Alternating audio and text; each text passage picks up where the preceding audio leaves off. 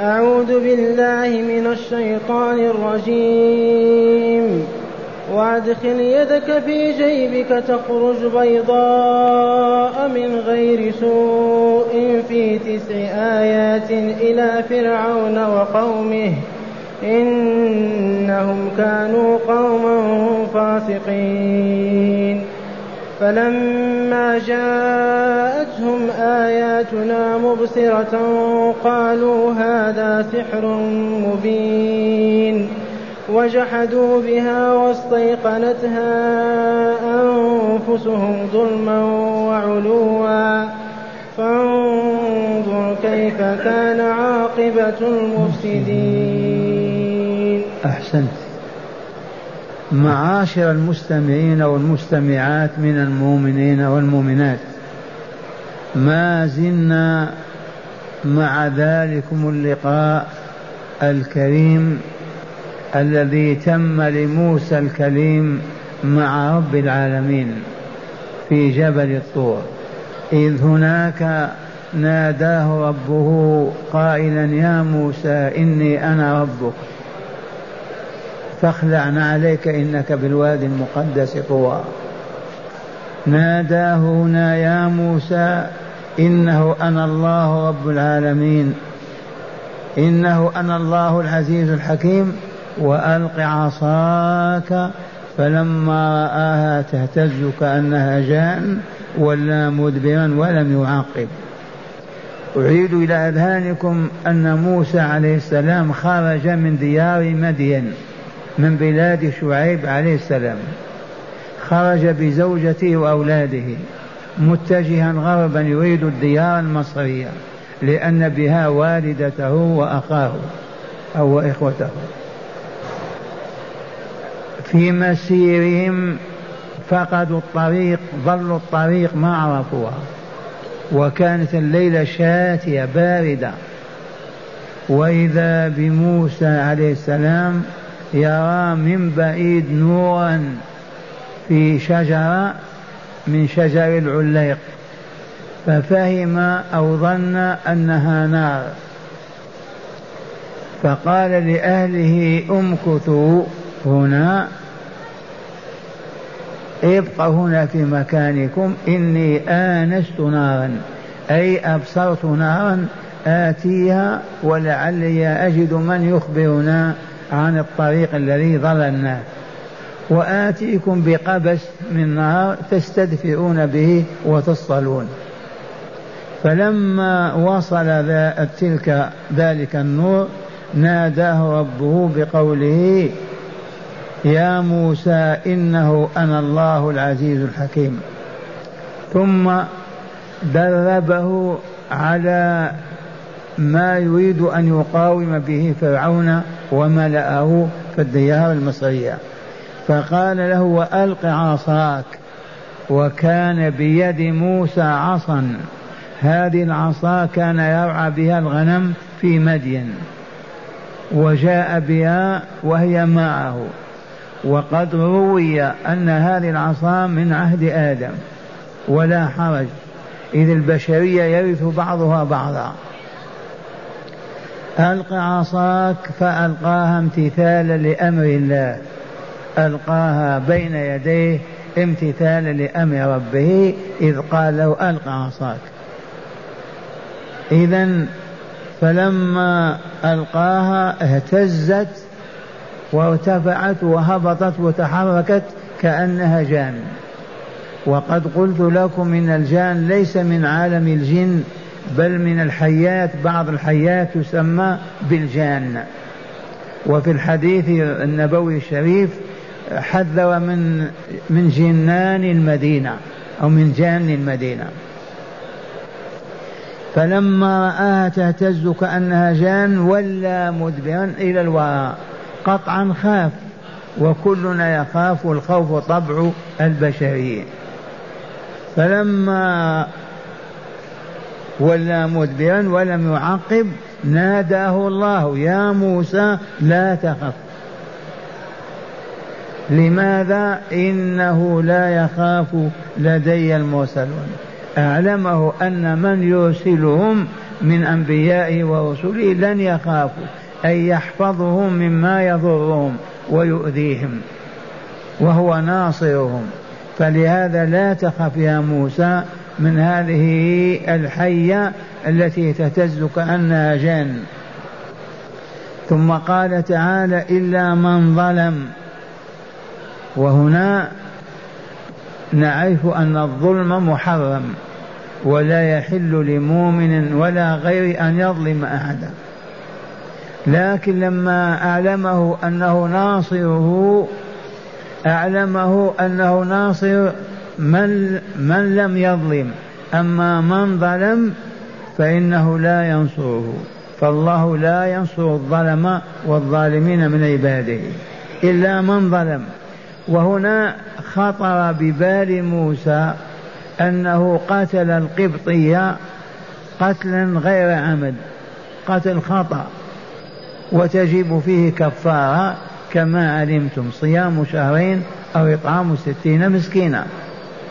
فلما حصل هذا في نفس موسى قال له تعالى إلا من ظلم ثم بدل حسنا بعد سوء فإني غفور رحيم. ظلم ثم تاب من بعد الظلم وعمل الصالحات وأكثر من الحسنات يمحى ذلك الأثر من نفسه ويصبح كأنه لم يفعل ذنبا. وهذه الحقيقة لنا جميعا. على كل مؤمن أو مؤمنة يرتكب ذنب من الذنوب صغيرها أو كبيرها عليه أن يتوب. فإذا تاب وعمل بعد ذلك صالحا صلى أو صام أو تصدق أو ذكر الله فإن ذلك الأثر ينمحي ولم يبق في النفس أبدا.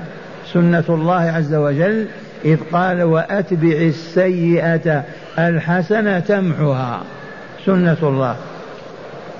وهذا في أجسامنا في ثوبك. يقع شيء يدنسه تغسله تذهب تذهب تلك الصيفة وتحل محل صفة نظيفة. ثم قال له تعالى وأدخل يدك في جيبك. بعدما أعطاه الآية الأولى قال له أدخل يدك في جيبك هكذا. جيب الثوب مشقوق يدخل يده في جيبه وأدخل يدك في جيبك تخرج بيضاء من غير سوء. هذه آية ثانية. هذا سلاح مع السلاح الأول. وأدخل يدك في جيبك تخرج بيضاء كفلقة القمر. من غير سوء من غير برص أو مرض. بل بيضاء مشرقة والله كفلقة القمر. أدخل بالفعل أخرجها كذلك. هذان آلتان أو سيفان أو عدتان من عدة السلاح. تخرج بيضاء من غير سوء في تسع آيات. تخرج بيضاء من غير سوء في تسع آيات إلى فرعون وملئه إنهم كانوا قوما فاسقين. وأدخل يدك في جيبك تخرج بيضاء أي اليد من غير سوء من غير برص أو مرض في تسع آيات إلى فرعون وقومه إنهم كانوا قوما فاسقين. هذه الآيات التسع كل آية تنطق بأن موسى رسول الله. إذ الآية معناها العلامة الدالة على الشيء. فإذا أعطى الله رسولا من رسله أو نبيا من أنبيائه آية معناه ليصدق بنبوته ورسالته وأنه رسول الله. فرعون وقومه أعطاهم تسع آيات. وما آمنوا. ما هذه الآيات التسع جاء في سورة الأعراف قول الله تعالى فأرسلنا عليهم الطوفان والجراد والقمل والضفادع والدام في خمس آيات. الطوفان كاد يغرقهم. فارت السماء والأرض بالمياه. كادوا يغرقون. آية. الجراد ما ترك لهم ثمر على شجرة. أكل كل ما عندهم في بساتينهم وفي مزارعهم. آية من آيات الله. كل ما تنزل آية يشتكون ويقول يا موسى ادعوا الله. فيدعو الله فيرفع عنهم ذلك العذاب. القم الضفادع نزلت من السماء حتى كادت تاكل الإنسان. يجلس في مكانه تعلو فوقه وتدخل في جيبه وفي عنقه. ضفادع. ادعو يا موسى ربك دعا ذهبت الضفادع. الدم. تحول الماء الصافي العذب إلى دم. حتى إن القبطية تقول للإسرائيلية أعطيني ماء بيدك أنت. ماء. فتجعله في فمها فيتحول إلى دم. ماء صافي. ما في شيء. تجعله القبط الإسرائيلية في فمها وتصبه في فم وهو دم تصبه يتحول إلى دم. وبكوا وشكوا وقالوا يا موسى ادع ربك ينقذنا من هذا. فيدعو فيستجيب. هذه خمس آيات فأرسلنا عليهم الطوفان والجراد والقمل. والقمل ما هو؟ جمع قملة معروف. امتلأوا بالقمل أكلهم. يسيل من شعورهم ومن أبدانهم. آيات مفصلات آية بعد آية. كل ما تنزل آية آمنوا يقول ادع لنا ربك يرفع عنا هذا ونؤمن. لما يرفع تعالى عنهم ذاك العذاب ما يؤمنون. يأتي بآية أخرى خمس آيات. السادسة هي آية ماذا اليد؟ لا العصا. وقد شاهدناها. فألق عصاك فألقاها فإذا حية تهتز كأنها جان. سادس سادسا اليد.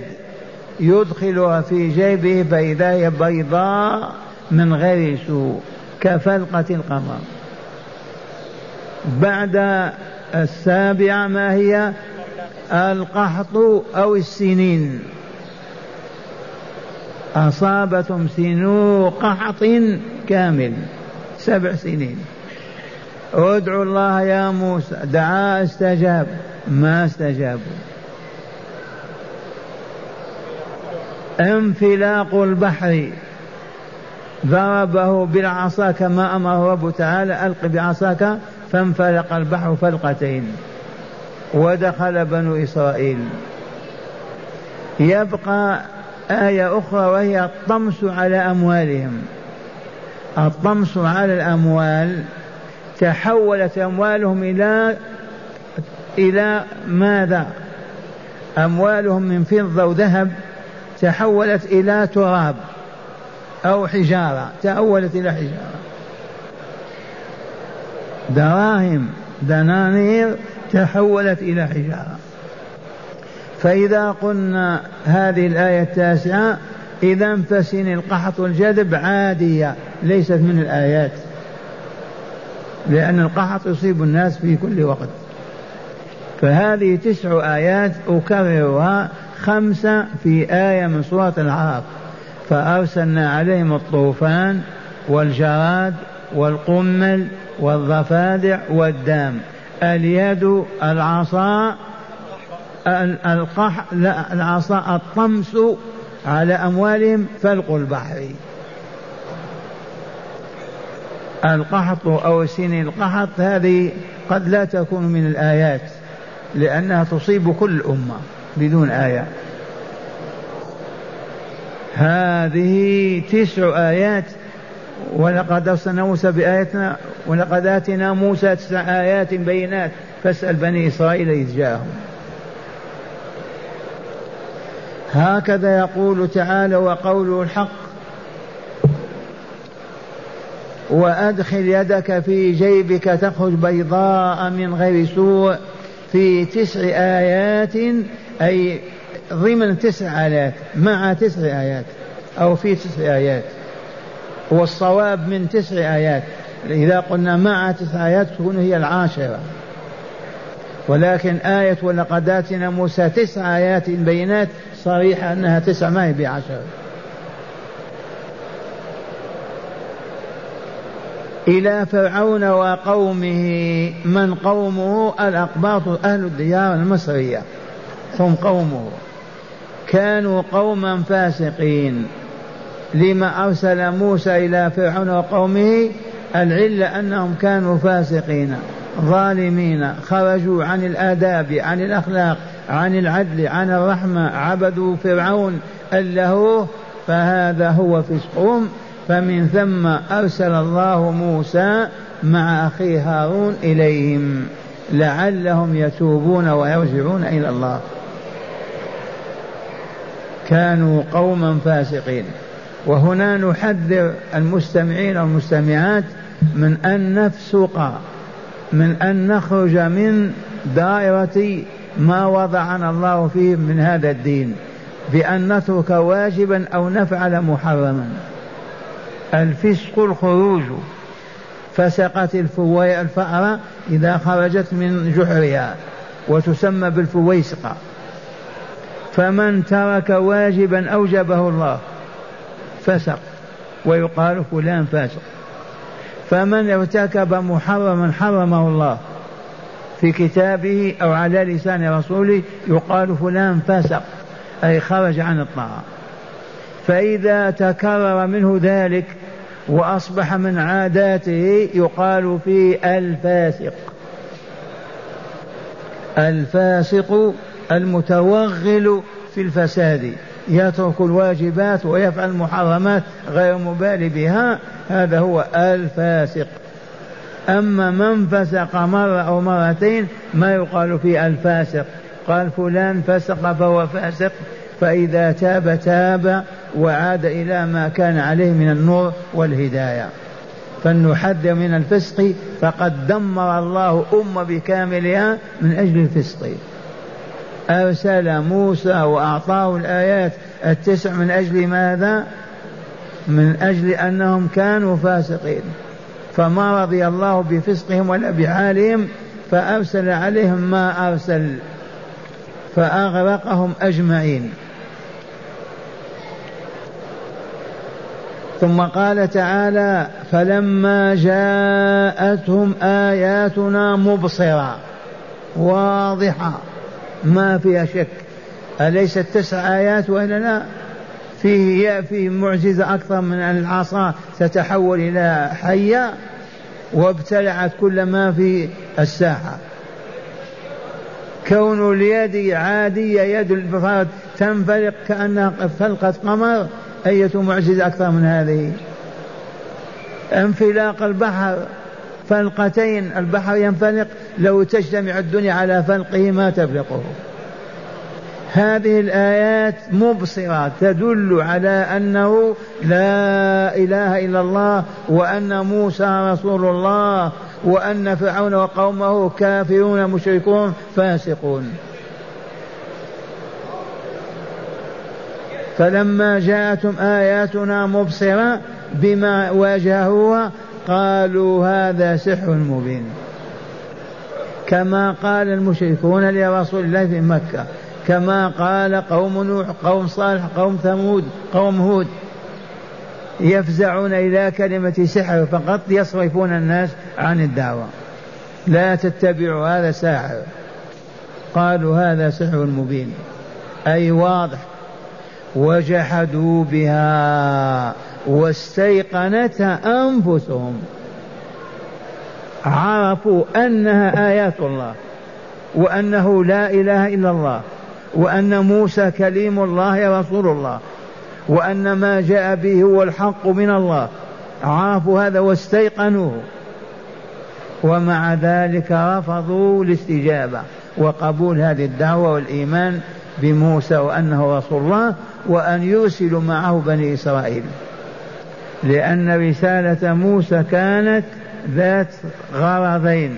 الغرض الأول أن يرسلوا معه بني إسرائيل لإنجائهم وإخراجهم من الاستعمار والاستغلال والاستعباد. ثاني أن يوحدوا الله ويعبدوه ويتركوا عبادة فرعون وألوهيته. قال تعالى وجحدوا بها أي بتلك الآيات التسع واستيقنتها أنفسهم بمعنى أيقنت أنفسهم أنها ما هي سحر ولا ولا وإنما هي آيات الله عز وجل. ما سبب ذلك؟ قال تعالى ظلما وعدوانا ظلما وعلوا. ما سبب جحودهم للآيات؟ وقد علموا أنها آيات واستيقنوها أنها آيات معجزات وأن موسى رسول الله وأن فرعون لن يكون الها ولا يعبد مع الله وأن عليهم أن يرسلوا بني إسرائيل معه إلى ديار القدس. إذ جاء لهذه المهمة منعهم من ذلك الظلم والعلو. والظلم كما علمتم وضع الشيء في غير موضعه والعلو الكبر والاستكبار والعياذ بالله تعالى. صفتان من أخس الصفات. نبرأ إلى الله أن نتصف بواحدة منهما. الأولى الظلم فلا نظلم أحدا. والثانية الكبر فلا نتكبر أبدا. ولا يظهر ذلك وصف من صفاتنا. الظلم والكبر يمنعان صاحبهما من الاستقامة من قبول الحق من الانقياد للحق. أبدا ما دامت هذا هذا المرض في نفسه ما يستجيب. يمنعه هذا المرض من أن يستجيب. ظلما وعلوا. فانظر كيف كان عاقبة المفسدين والخطاب يصح لرسول الله وللمؤمنين ولكل واحد. فانظر يا من يستمع كيف كان عاقبة المفسدين. أليست إغراق فرعون ومئة ألف معه من جيشه وتحول بلادهم إلى مستعمرة لبني إسرائيل؟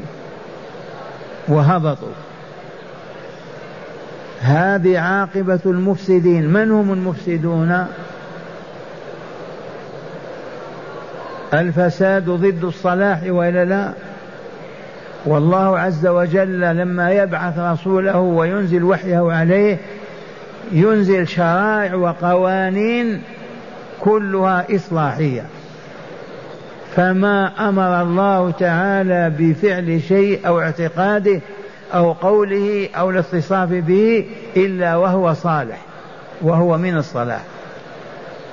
ولا نهى الله عن شيء ولا حرمه إلا وهو فاسد.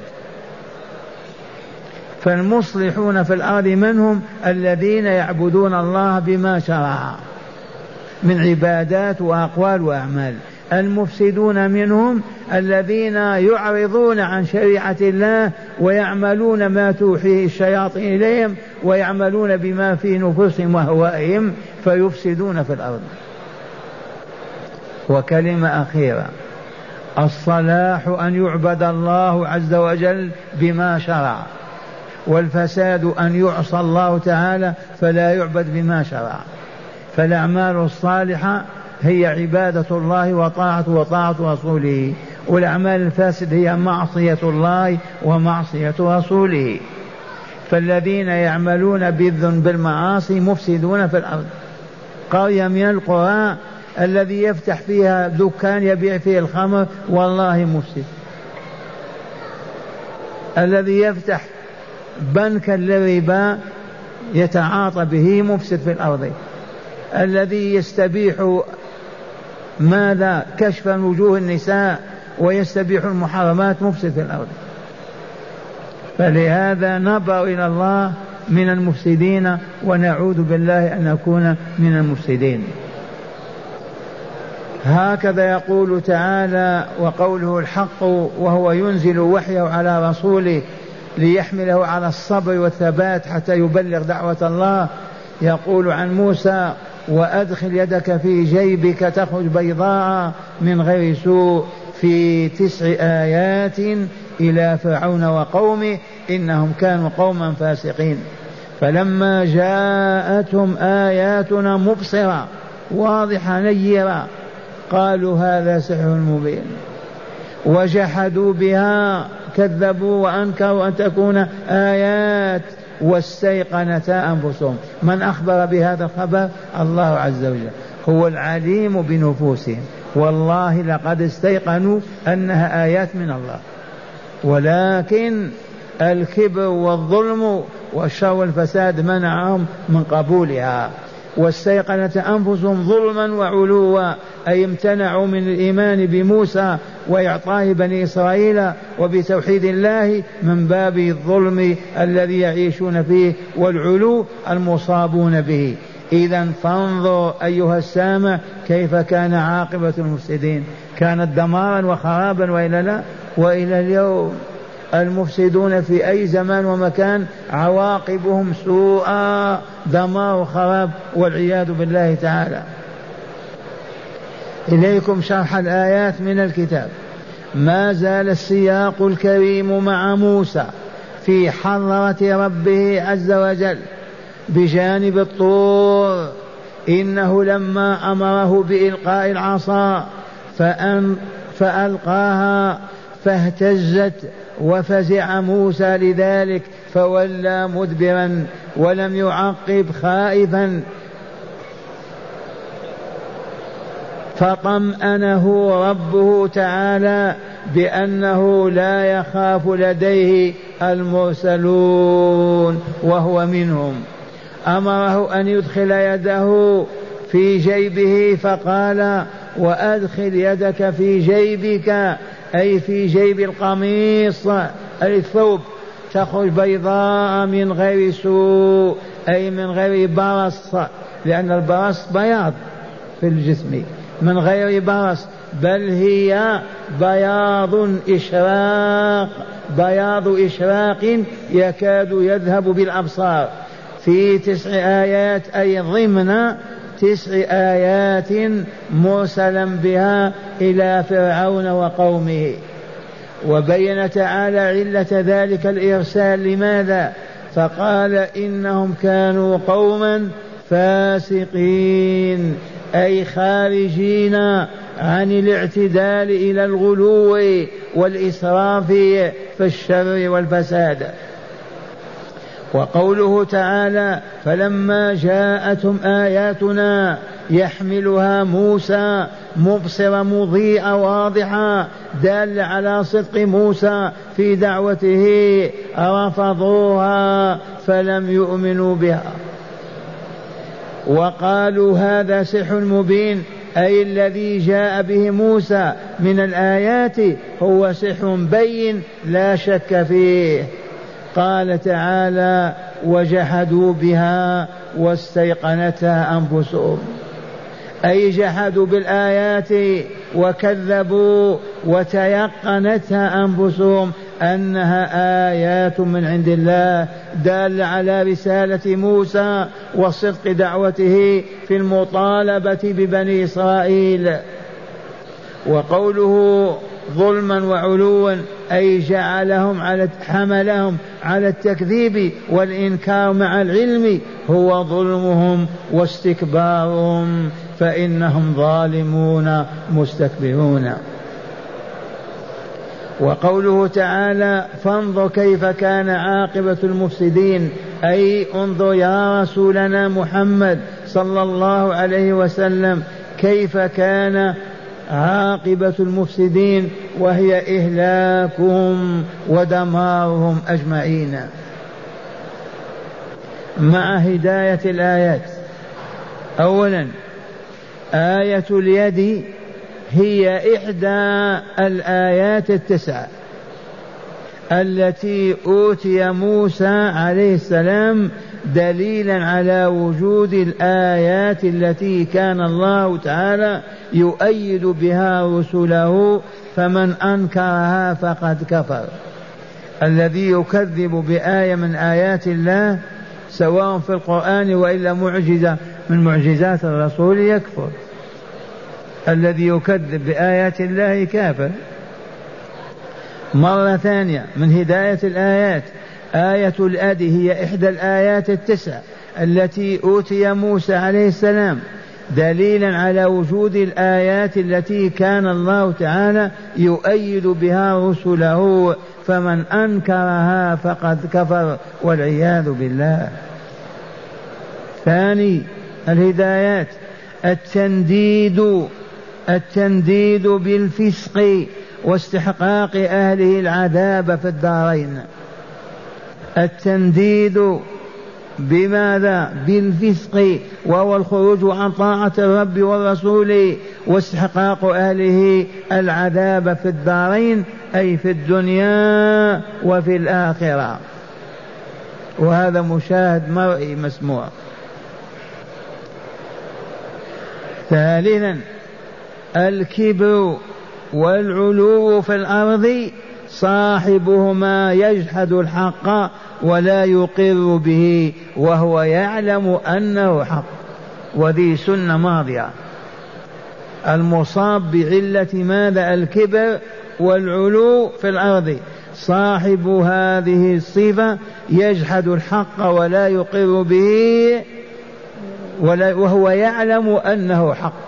ولا يعترف به ولهذا نبر إلى الله من أن نوصف بهذه الصفات العلو والكبر والعياذ بالله.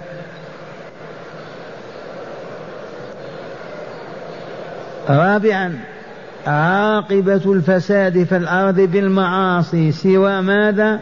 سوءا. عاقبة الفساد في الأرض بالمعاصي. ما المراد من المعاصي يا جماعة المؤمنين؟ هو معصية الله فيما أمر به وفيما نهى عنه. ومعصية رسول الله صلى الله عليه وسلم فيما أمر بفعله وفيما نهى عنه أي عن فعله. معاشر المستمعين وردنا هذا الكتاب الهيئة تمكن من مطاردته.